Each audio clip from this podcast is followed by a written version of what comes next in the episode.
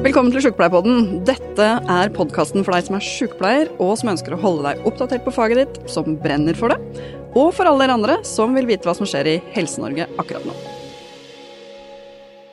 Hjertelig velkommen til en ny episode av Sjukepleierpodden.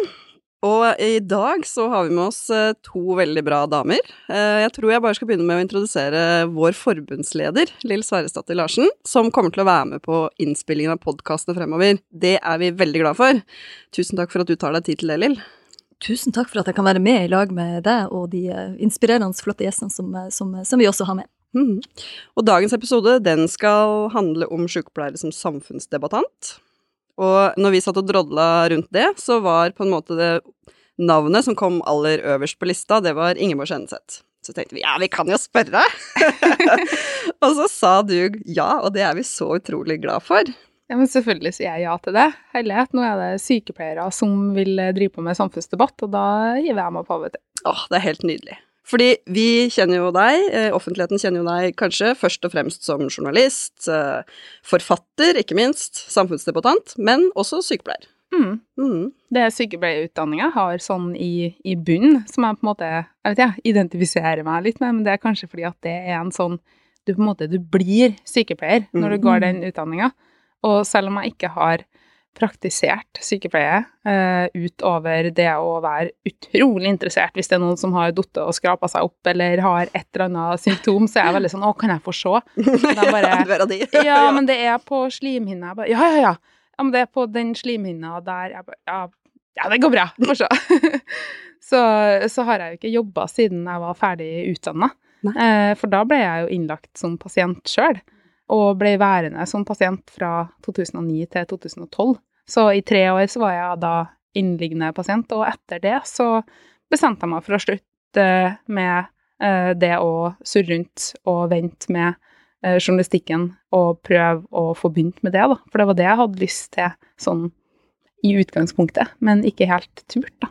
Nei, ikke sant. Så da flytta jeg til Oslo i 2013 og søkte på forskjellige jobber. Søkte i Aftenposten, fikk avslag, ble nummer to. Eh, søkte i Bergens Tidende, fikk avslag, ble nummer to. og eh, gikk da rundt og tenkte bare OK, nå har jeg ikke plass å bo, jeg har ikke jobb, jeg har ikke skoleplass. Hva gjør jeg? Og drev og jobba gratis eh, for å lære mest mulig sjøl, så lenge det på en måte gikk. Og så fikk jeg tilbud om et vikariat i Aftenposten, og siden har jeg blitt der. Og nå mm. Jeg er fast ansatt og surrer rundt med mitt, eh, egentlig i Akersgata, men nå på hjemmekontor. Men eh, var du ferdig med sykepleien idet du ble innlagt? Eh, ja. ja. Eh, jeg fikk eh, A på eksamen fire dager før jeg ble innlagt. så du hadde liksom den sykepleieridentiteten, og så blir du pasient. Hvordan var det? Um, Litt både òg. Jeg var veldig dårlig da jeg ble lagt inn da. Det var et litt sånn kompromiss mellom meg og legen, det at jeg fikk eh, fortsette å gjøre ferdig utdanninga uten å være Eller fikk slippe å bli innlagt, da. Mm. For um, ut ifra vekt og sånne kriterier så kvalifiserte jeg i teorien til tvangsinnleggelse.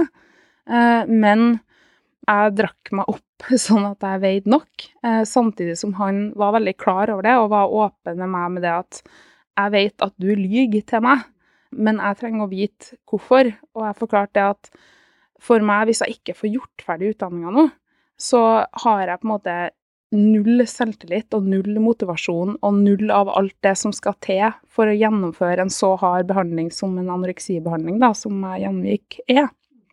Og da ble vi enige om at jeg gjør ferdig utdanninga før jeg blir innlagt. Og det var jo sånn på hengende håret at det gikk, eh, men det gjorde det jo. I starten av innleggelsen så mm, var jeg jo nok mest opptatt av gram og kilo. Jeg var også i en kort periode, eh, med kort som mener da dager, ikke måneder, heldigvis, eh, psykotisk. Så jeg tenkte ikke så veldig mye på selve sykepleieridentiteten da, egentlig. Nei. Eh, men det bobla jo fram hele tida med at jeg blanda meg i ting, f.eks. sånn hvis nødutgangene ikke var åpne for oss pasienter, så var jeg veldig sånn har dere skrevet avvik på det her? ja. eh, og var jo opptatt av f.eks. jeg mente at medisinutdelinga burde foregå riktig eh, var, veldig, var nok ganske kritisk eh, når det var eh, rutiner som jeg mente ikke ble fulgt, da. Mm. Eh, og så var jeg jo veldig interessert i andre pasienter, hva de drev på med. Man kan si at det er veldig gode egenskaper og ting som jeg har hatt med meg til i dag, og samtidig så kan det nok også hende at det sto litt i veien for min egen fremgang, da, fordi at det var mye lettere å være opptatt av alle andre enn å være opptatt av seg sjøl. Ikke sant. Og akkurat der og da så handla det jo om deg, og ikke Du var jo ikke der på jobb, liksom, som sykepleier, men jeg tenker at det blir uh, Jeg hvis jeg, Når jeg er pasient, da, når de gangene jeg har vært der, eller jeg har født barn, eller jeg har vært på sykehus, eller jeg har pårørende som er på sykehus og sånn, så blir jeg jo veldig, jeg jo veldig kritisk. Mm. Jeg ser liksom på mine sykepleierkollegaer med veldig kritiske øyne, og så jeg tror det er, kan være veldig krevende å ha en sykepleier som pasient. Ja, og det var sånn Jeg jobba, jeg jobba nesten fulltid på ortopeden i Trondheim i, Mm. i et års tid. Det var ekstravakt rundt omkring og gikk veldig mye nattvakter, og, og alltid på rapportene eh, hvis vi satt på pauserommet og gikk gjennom hvem som skulle bli lagt inn, Mm. og noen bare Ja, men hun der, hun er sykepleier. Ja. Så alle bare sånn OK, jeg vil ha det andre rommet. Men hvordan var det da å være også under utdanning? For at eh, jeg tenker mange, mange sykepleierstudenter, eller mange som utdanner seg innenfor helsefelt, beskriver jo også det med å, å få all verdens sykdommer, altså ha en idé om at du får all verdens sykdommer når du driver på og leser, om det at du blir fokusert på det når du jobber med både anatomi og fysiologi og patologien, ikke minst. Mm. Og du har vært veldig åpen om din sykdomshistorie, det syns jeg forresten er veldig, veldig bra. Også for andre, for å kunne dele, og åpenhet om en sånn her type sykdom er jo nødvendig hvis du skal kunne bli bra. Men hvordan var det for din del å være, som du beskriver, at du ble såpass syk på slutten av utdanninga, det å være sykepleierstudent og være så opptatt av helse og, og samtidig fokusert på sykdomslære? Eh, sykdomslæra, der Det var jo ikke så veldig mye om spiseforstyrrelser eh, da, og heller ikke om noen av de andre diagnosene jeg har på CV-en. Eh, så det påvirka meg egentlig ikke sånn sett, det. Eh, fordi at jeg hadde vært syk siden jeg var liten. Jeg var dårlig fra før, men holdt meg nok heller friskere gjennom det å fokusere på andre, og det å føle at jeg var nyttig, og det å føle at du gir noen ting til noen. Og det var også sånn at hvis jeg var på jobb, eller på sykehuset, da, det var vanskeligere på skolen, men på sykehuset, hvis jeg var der på jobb, så var jeg jo kjempenøye med å få i meg næring, sånn at jeg skulle være oppmerksom. Marerittet mitt var jo at jeg skulle være sløva av, eh, av sult og ikke oppdage at noen var klam i huden. Altså, da ville jeg jo ikke bare eh, drevet og sånn sakte, men sikkert tatt mitt eget liv, men da kunne jeg vært med å forårsake at noen andre ikke overlevde. Så jeg var da eh, god til å ta vare på meg sjøl fordi jeg skulle ta vare på andre i arbeidstida. Eh, ikke så god på fritida. Så for meg så var jo det egentlig en bra ting å jobbe der. Og når du jobber på ortopeden, altså, så er du ikke så utsatt for å mistenke at du har et brudd et sted og sånne ting. det er nok verre hvis du jobber på nevro eh, eller eh, på, ja, på kreft, eh, sånne avdelinger, at det er fort gjort å tenke det, da. Og det gjør jeg jo hele tida på fritida nå. Altså, jeg går gjennom en eller annen, en eller annen interessant ting her. Nå i det siste har jeg hatt litt vondt i hodet. Begynt å tenke på at men egentlig har jeg jo hatt vondt i hodet på samme sida av hodet. Vent litt, egentlig så er det bare over øyet, og da er jeg tre Google-søk unna å ha en kreftsvulst eh, rett over øyet. Eh, så det hadde jeg da minst i en time, eh, til jeg da glemte det og gikk videre. Det er det som er så gjenkjennbart blant sykepleierstudenter òg, at for hver nye sykdom du, du leser om og skal Mhm. sette deg inn i, så begynner du å kjenne på symptomene.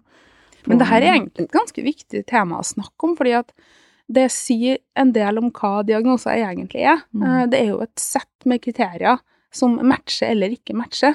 Mens en god del sykdommer, eh, f.eks. anoreksi da, eller ruslidelser, Mm. blir fort en identitet Mm. istedenfor å være et sett med kriterier som du passer eller ikke passer. Der du mer eller mindre blir sykdommen din heller enn å ha sykdommen. Da. Og jeg tror at det er en ganske viktig ting å diskutere når vi f.eks. skal få folk ut i arbeid, eller at folk skal kunne være i arbeid samtidig som de er syke. Det er sånn Jeg kvalifiserer jo i høyeste grad til, til en sykmelding sjøl, men Eller en uføre, eller hva som helst, da, men for meg så er arbeid også helse. Eh, Mm. og i tillegg så er det jo ikke et problem for selve jobben min at jeg er syk. Eh, fordi at det å gjøre friske ting er noe som er gjennomførbart, selv om du kanskje ikke kan defineres som frisk, da. Eh, så jeg tror det er litt viktig at vi, særlig med ungdommene våre, da, og egentlig generelt, er flinkere til å snakke om de friske tingene vi er, eller kan gjøre, fremfor om vi er friske eller syke sjøl. Det liker jo jeg veldig godt med det, med det sykepleierperspektivet. Mm. Sånn opp mot at det er ikke bare behandling, det er ikke bare diagnosen. Diagnosen er jo bare et uh, symptomuttrykk, Mm. egentlig. Mm. Så det med en sykepleier, det å kunne da se etter hva er det med de symptomuttrykkene som er vanskelig for den personen, for det er ikke- det er ikke nødvendigvis alle det, det diagnosekriteriene eller symptomuttrykkene som egentlig trenger behandling. Nei, Mm. Og det, og det tenker jeg er veldig viktig for som sykepleierperspektiv, å se etter helse og mestring, og ikke nødvendigvis diagnosen, og da skal vi behandle alle symptomuttrykkene. For det, Mm. treng, det trengs kanskje ikke behandling. Mm. delen. Nei, og det er noe av det unike kanskje også med sykepleierperspektivet. At uh, man skal se hele mennesket. Liksom. Det er ikke bare det som du sier, diagnosekodene eller liksom Vi er jo opptatt av hvordan mestrer man livet. Hvordan, Hva er det som er friskt? Hva er det vi får til? Hva er dine, hva er dine styrker? Mm. Og det tenker jeg at eh, mange sykepleiere da, er veldig gode på å se. Det var en av grunnene til at jeg strøyk på den første mappeeksamen. ja. Fordi du hadde ikke Jeg skjønt var, jeg eh, var egentlig veldig skoleflink, da. Eh, Sånn, sånn, og god til å lese meg opp på ting, og, og det er jo en del av jobben min nå. Jeg gjør mye research daglig på alle mulige temaer. Mm. Eh, Og første gangen vi skulle ha mappeeksamen, som var sånn da hjemmeeksamen, tre dager, levere Ja, ja. en oppgave og alt sånn, jeg bare jobba på og jobba på og jobba på og leverte og fikk tilbake og hadde fått F. Ja, fader heller, vet du hva. jeg Jeg gjorde det på første mappeeksamen, så Ja, men det var bare jeg. sånn Hæ? Ja. Stryk jeg? Så jeg bare nei, det her må være feil. Så jeg klaga. Og bare nå får jeg sikkert tilbake med en ordentlig karakter. Fikk tilbake, fortsatt stryk. Og da fikk jeg jo også begrunnelse. Og det var det at istedenfor å skrive en sykepleieroppgave, som jo Mm. det handler om hva skal sykepleieren gjøre, hvilke ressurser har pasienten, hva er helheten i det bildet her, Mm. så hadde jeg tatt den enkelte sykdommen, eller symptomet, da, det var, nok noe med sykehjemmet, sånn, jeg husker ikke akkurat hva det var, eh, men la oss si at det var liggesår, da.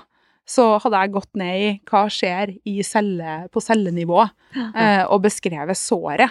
Så jeg hadde beskrevet selve problemet, men ingen løsninger, ingen handlinger, ingen tiltak. Så det som sto i begrunnelsen, at her har du skrevet en medisinoppgave, det her er ikke en sykepleieoppgave. Og det var sånn lys som bare Ok, det er sånn eh, Det, det det her gamet har gitt meg ut på nå, ja. Og det er forskjellen da på å på en måte se på det nøyaktige lille tingen, eller å se på hele mennesket.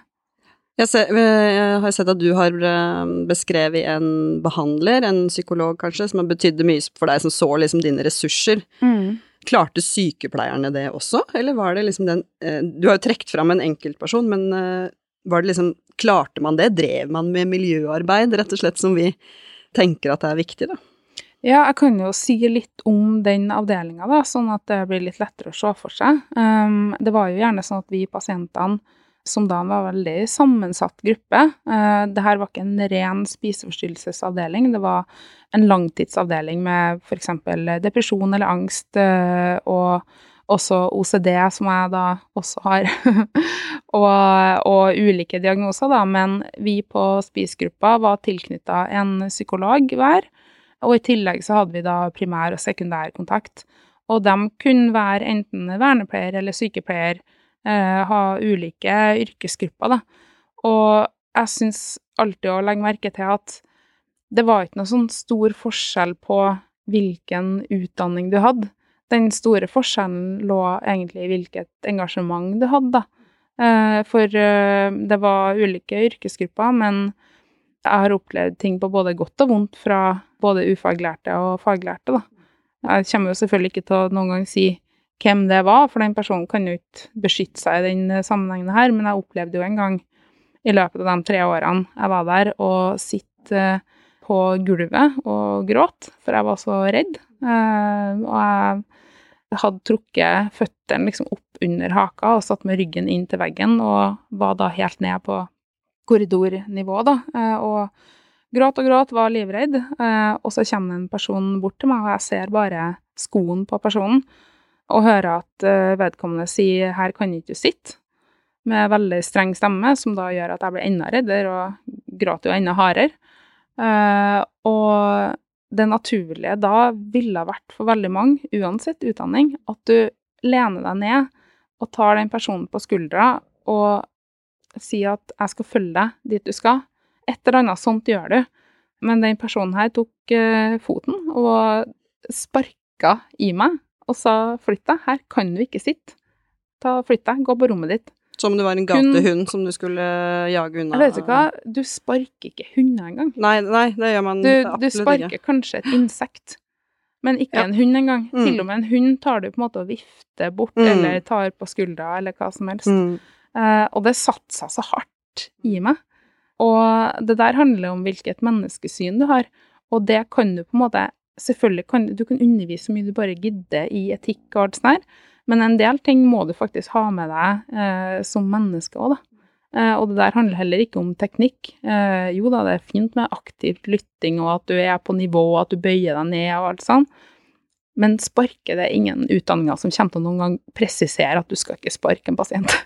Nei, hvordan skal du komme på det, liksom? Jeg vet ikke. Ja. Det er jo helt øh, Nei, så dagene var jo inndelt sånn at du var nærmest kontakta med eh, pleiere, eh, og første og andre kontakt og miljøkontakt av ulike mm, måter, at du var med på ei gruppe med tegning og maling, eller om du var med på noe kroppslig, og, eller om du fikk lov til å gå tur. Jeg hadde lov til å gå et kvarter to ganger om dagen med følge, hvis jeg var heldig.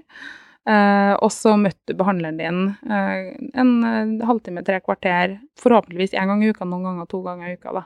Så sånn var det jo delt opp. Men når jeg trekker fram han, så handla det også om at jeg hadde vært der i et halvt år allerede, eh, for at jeg måtte bli bedre i kroppen før vi starta opp. Mm. Eh, noe som var utrolig frustrerende for meg, fordi at jeg behøvde veldig mye støtte for å klare å bli bedre i kroppen. Mm. Så det ble jo et paradoks sånn sett, da. Men da jeg først fikk starta hos han, og kommer inn på kontoret hans, så eh, sier jo han at jeg kan sette meg i stolen. Og det sier jeg at det kan ikke jeg gjøre. For meg så var det umulig, fordi at det var en stol med armlen. Og jeg hadde en forestilling om at jeg var så stor, eh, ikke tjukk, men mer som et sånt slags stillas, da. Eh, at jeg var veldig gigantisk i kroppen, sånn at hvis jeg satte meg i en stol med armlener, så kom jeg til å bli sittende fast. Og det var jeg for redd for. For mange behandlere hadde nok da vært naturlig å bare si nei da, det går bra, og trygge meg på det, og få meg til å sette meg ned og alt sånn. Men han var mer sånn å ja, nei, sier du det? Ja, men jeg har jo en puff. Ja. Så da løsningsorientert. ja, så da satt jeg jo litt sånn halvkrøka på den der eh, fotskammeren eh, første timen, og sikkert andre timen, og mange timer fremover. Fordi at for han var ikke viktig å overbevise meg der og da om at det jeg var mest redd for, som da var å bli sittende fast, at det skulle være helt trygt. For han var interessert i å høre hvem er du for noen? Mm. Eh, hva er du interessert i? Ikke sant? Eh, og jeg prøvde jo å svare ja, jeg er interessert i å gå opp i vekt, fordi at det var på en måte min hjemmelekse mens jeg var på sykehuset, det var jo å bli normalvektig. Eh, mens han var mer bare sånn nei, ikke, ikke liksom hva kroppen din skal gjøre, men hva er du interessert i? Jeg er interessert i middag. det er sånn, jeg hadde, nå hadde jeg snakka om Mm. mat og vekt så mye med så mange i så mange år, at det var på en måte det eneste jeg forholdt meg til. Og han bare, men jeg har jo lagt merke til at du er veldig opptatt av å rekke Dagsrevyen. Da jeg bare, ja, jo, ja, jeg er jo litt interessert i nyheter, da. Jeg bare, å ja. Og det ble på en måte da starten på noe av det vi snakka mest om, som da var alt ifra terror til, til hendelsesnyheter, til etter hvert Syria snakka vi veldig mye om.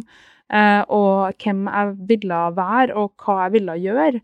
Fordi at for han var ikke på en måte det å få en frisk kropp eller et mindre sykt hode et mål i seg sjøl. Målet var jo å få brukt potensialet mitt som menneske.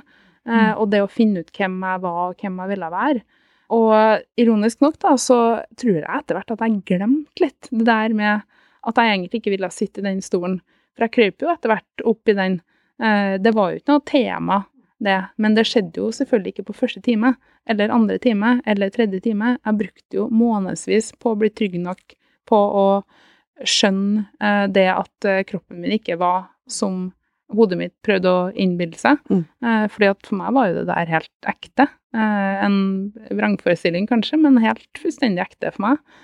Men sånne ting blir jo så forsterka hvis du prøver å ikke tenke på det. Eh, eller hvis du skal bli overbevist om at det ikke er sånn, så må du jo nødvendigvis tenke på det. Og hvis du tenker på det, så opprettholder du det òg, da. Så der er jo et sånn supertegn på hvor utrolig viktig det var å ha nok tid til å bygge den relasjonen. Eh, for det er egentlig bare gjennom relasjon at man kan komme litt videre, tror jeg, da. Åh, det er så fint. Og mat. Altså, det, det Eh, man trenger mat, men Ja. relasjoner, det, det tror vi på. Men du beskriver liksom at han, han fant fram noe i deg, og det var det samfunnsengasjementet.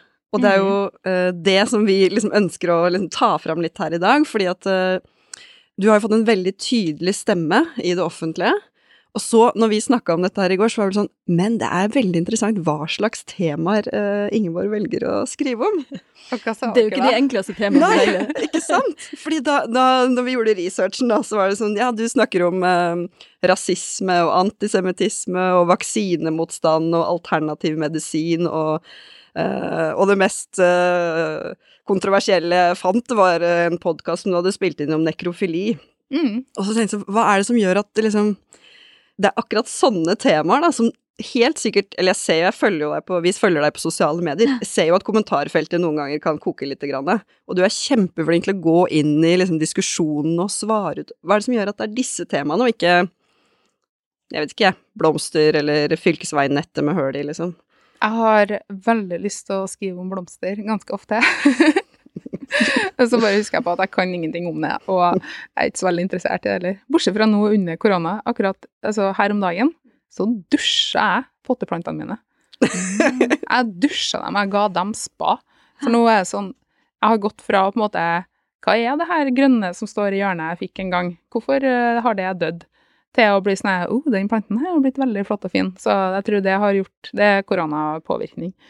Men um, det engasjementet for på en måte det litt sånn mørke, kanskje, uh, og, og vanskelige i, i mennesket har bestandig bare vært der. Det første temaet jeg valgte da vi fikk ha uh, særemne på ungdomsskolen og fikk velge helt sjøl, det var ingen som satte opp på en måte en, en sånn gruppering av bare det jeg kunne velge mellom, eller du kan gjøre oppgave A eller B. Det var sånn, velg et tema, skriv om det. Så valgte jeg tortur. Og kjempefornøyd med det. Jeg skriver om Elvis. Jeg skriver om Elvis. okay, ja. Ja, det er også noen som vil kalle det for tortur. Ja. Men, eh, men da lager jeg plansjer og forklart foran klassen, foran litt sånn bleik lærer bakerst i klasserommet, og jeg bare Og det her, det er vanntortur. Så, det var Ingeborg 13 kjempefornøyd med å forbinde med. Eh, og det der har vært med meg hele tida, at jeg har valgt eh, ganske sånn heavy tema. Mye fordi at jeg føler at hvis du først har jeg en formidlingsevne eller noe sånt, så kommer det også med et ansvar, da, for jeg ser jo det at folk Mm. lytter når jeg, når jeg snakker eller skriver. Og da tenker jeg ja, jeg har kunnet holde på med sminke, da. Eh, det er veldig mange som er interessert i hvilken sminke jeg bruker, Mm. eh, fordi jeg er dame og har et fjes, sikkert.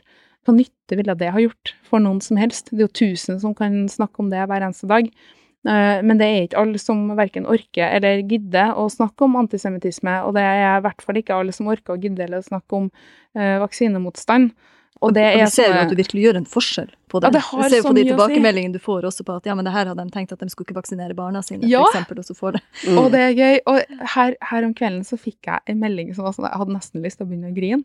For da var det ei dame som sa at vet du hva, jeg starta ut med å følge deg fordi at jeg ikke var enig. Eh, fordi at jeg syntes på en måte at du var et nesten dårlig menneske, og jeg ville plukke opp hva er det du sier. Sakte, men sikkert så har jeg skjønt nye ting. Eh, Jeg har fått et nytt perspektiv på vaksiner, og jeg trodde jo på en måte at kanskje snakker jeg da til Eller håpet mitt var jo å snakke for dem som sitter på vippen, da. Dem som er litt usikre, for dem som er hellig overbevist. Dem er på en måte Jeg svarer dem, men jeg svarer ikke for deres skyld, for jeg kan aldri på en måte omvende noen, for det her blir det, blir det ligner mer på en religion da, når du er overbevist om noe som ikke er sant. Det er ikke noe jeg kan eller skal overbevise noen om. Men alle dem som sitter helt stille i båten og lurer på hvilken side av gjerdet de skal falle ned på, det er dem som er viktig for meg å snakke for, da. Men det her var jo en av dem overbeviste. Eh, som da egentlig hata meg skikkelig og ville sikkert ta noen skjermdumper og henge meg ut et sted. Det er jo litt sånn aktivitet som foregår. Og istedenfor så hadde hun rett og slett ombestemt seg. jeg delte ikke den meldingen videre enn sånt, fordi at jeg ville på en måte bare ha det for meg sjøl og tenke at bare herregud, her, her er det et menneske som faktisk har ombestemt seg. Kanskje gjelder det her flere. Eh, og det gir jo ny motivasjon til å holde på med noe som ikke er alltid like eh, hyggelig, da. Man får mye mer skryt hvis man skriver om leppestift enn om sprøytestikk. Men sånn Altså, man har forskjellige ting man holder på med, da. Mm. Og du var så vidt uh, inne på det, men altså Lill er jo også veldig synlig i samfunnsdebatten uh, som mm. forbundsleder i Sykepleierforbundet. Og så det som du sa, man kan liksom få oppmerksomhet for litt rare ting hvis man er ung kvinne i samfunnsdebatten. uh, det er jo ikke alltid de tingene du ønsker tilbakemelding på. Altså, who cares hva slags sminke du bruker, eller videre. Hvordan, hvordan håndterer du det når du får sånne Eller får du sånne tilbakemeldinger?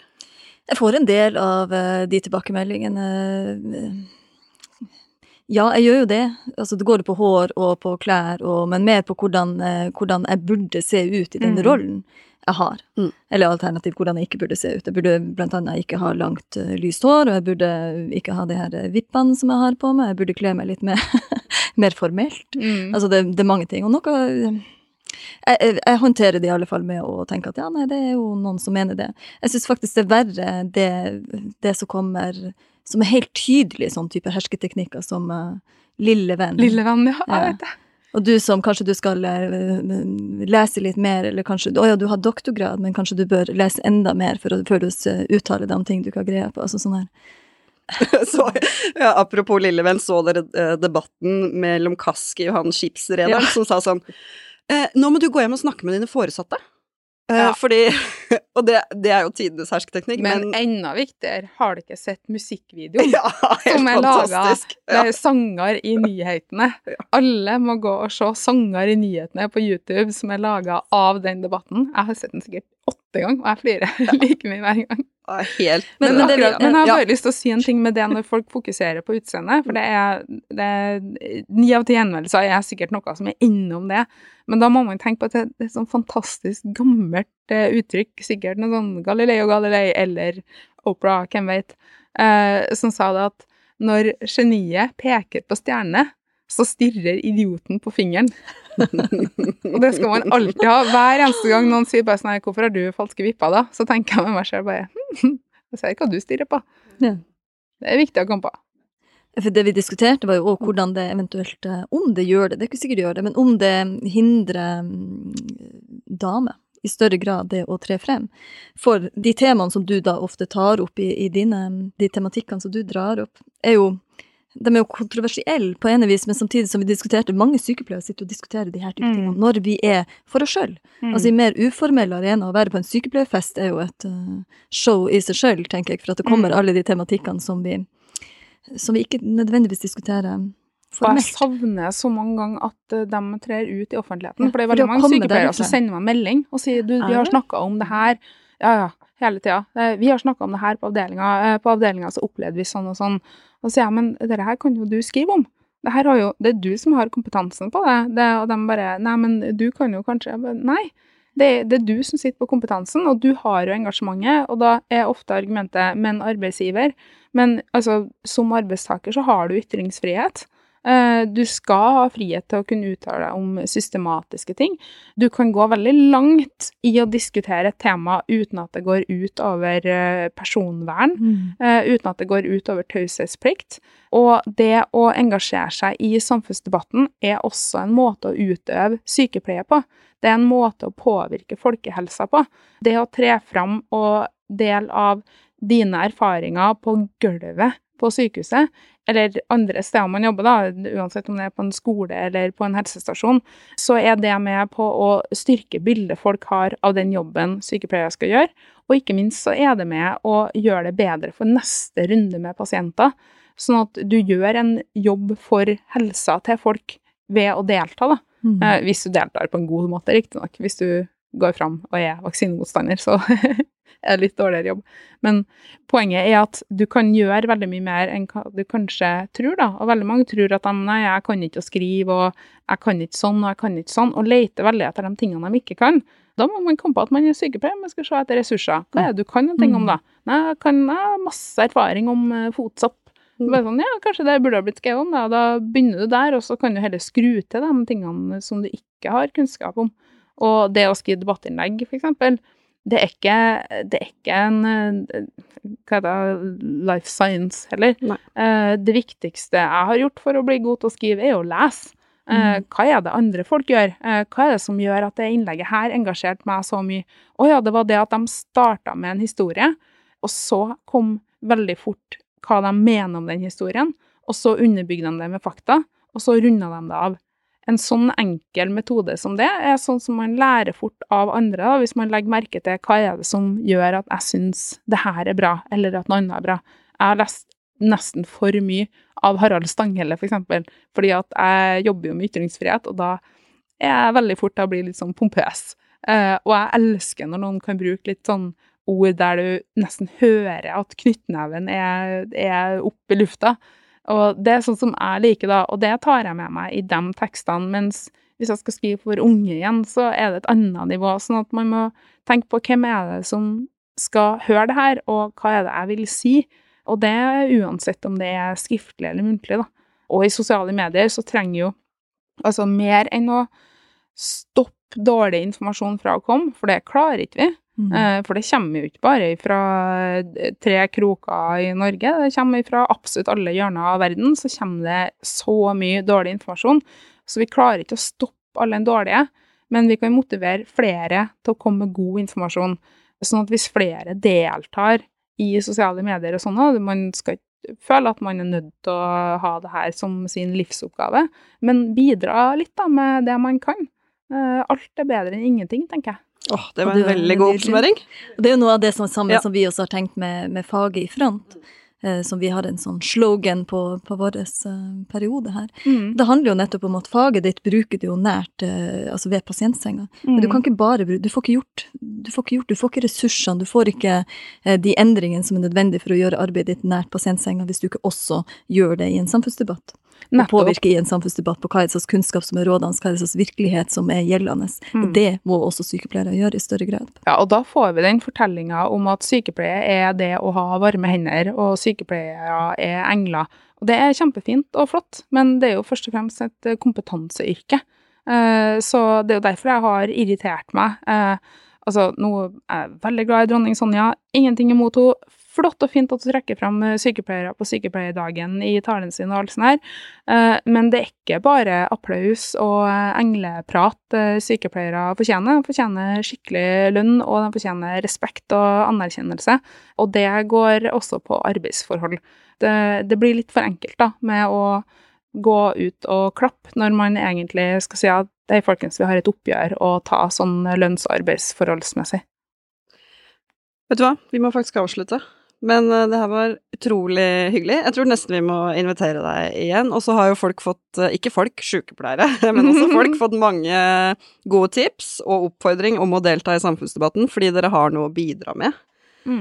Skal jeg, Eh. da kan smugkikke på Instagrammen min. Trenger ikke å følge en sånn. Kan bare gå helt stille i gangene og inn og se, for at alt er åpent. Eh, og se om de får noen ideer til ting de kan gjøre. Eh, eller kanskje er det noen ting jeg skriver som de syns er helt feil. Da er jeg jo veldig åpen for å høre. Og da kan man delta var- i debatten. Ja. Nettopp. Og følg den gjerne, for den er veldig nettopp. Den er veldig bra, så det syns jeg vi skal ha en oppfordring om eh, helt på slutten. Så tusen takk for, for at du tok deg tid til å komme hit, Ingeborg. Takk For meg. Det var veldig hyggelig. Og jeg skal hilse ifra mamma, som også er sykepleier, og si at bare stå på. Tusen takk. Hilse Hils til mamma tilbake. Eh, bare si helt kort at i neste episode så skal vi snakke om humor. Og mm. sykepleiere har jo eh, kanskje det jeg vil si en litt spesiell form for humor. Apropos sykepleierfester hvor ikke alle burde hatt tilgang, eller er vaktrom. Og det er så mørkt! og det eh, tror jeg kommer til å bli kjempegøy. Og da får vi besøk av eh, en sykepleier og komiker, Lars Berrum. Å, Som bra. også er min gamle studiekompis, som skal eh, være med oss og tenke noen tanker om det. Og så har jo Sjukepleierpodden fått sin egen Facebook-side, som man kan gå inn og titte på. Og ikke minst eh, Instagram-kontoen til Ingeborg, som er kjempebra. Og eh, forbundsledelsen sin Instagram-konto syns jeg dere også bør eh, titte innom.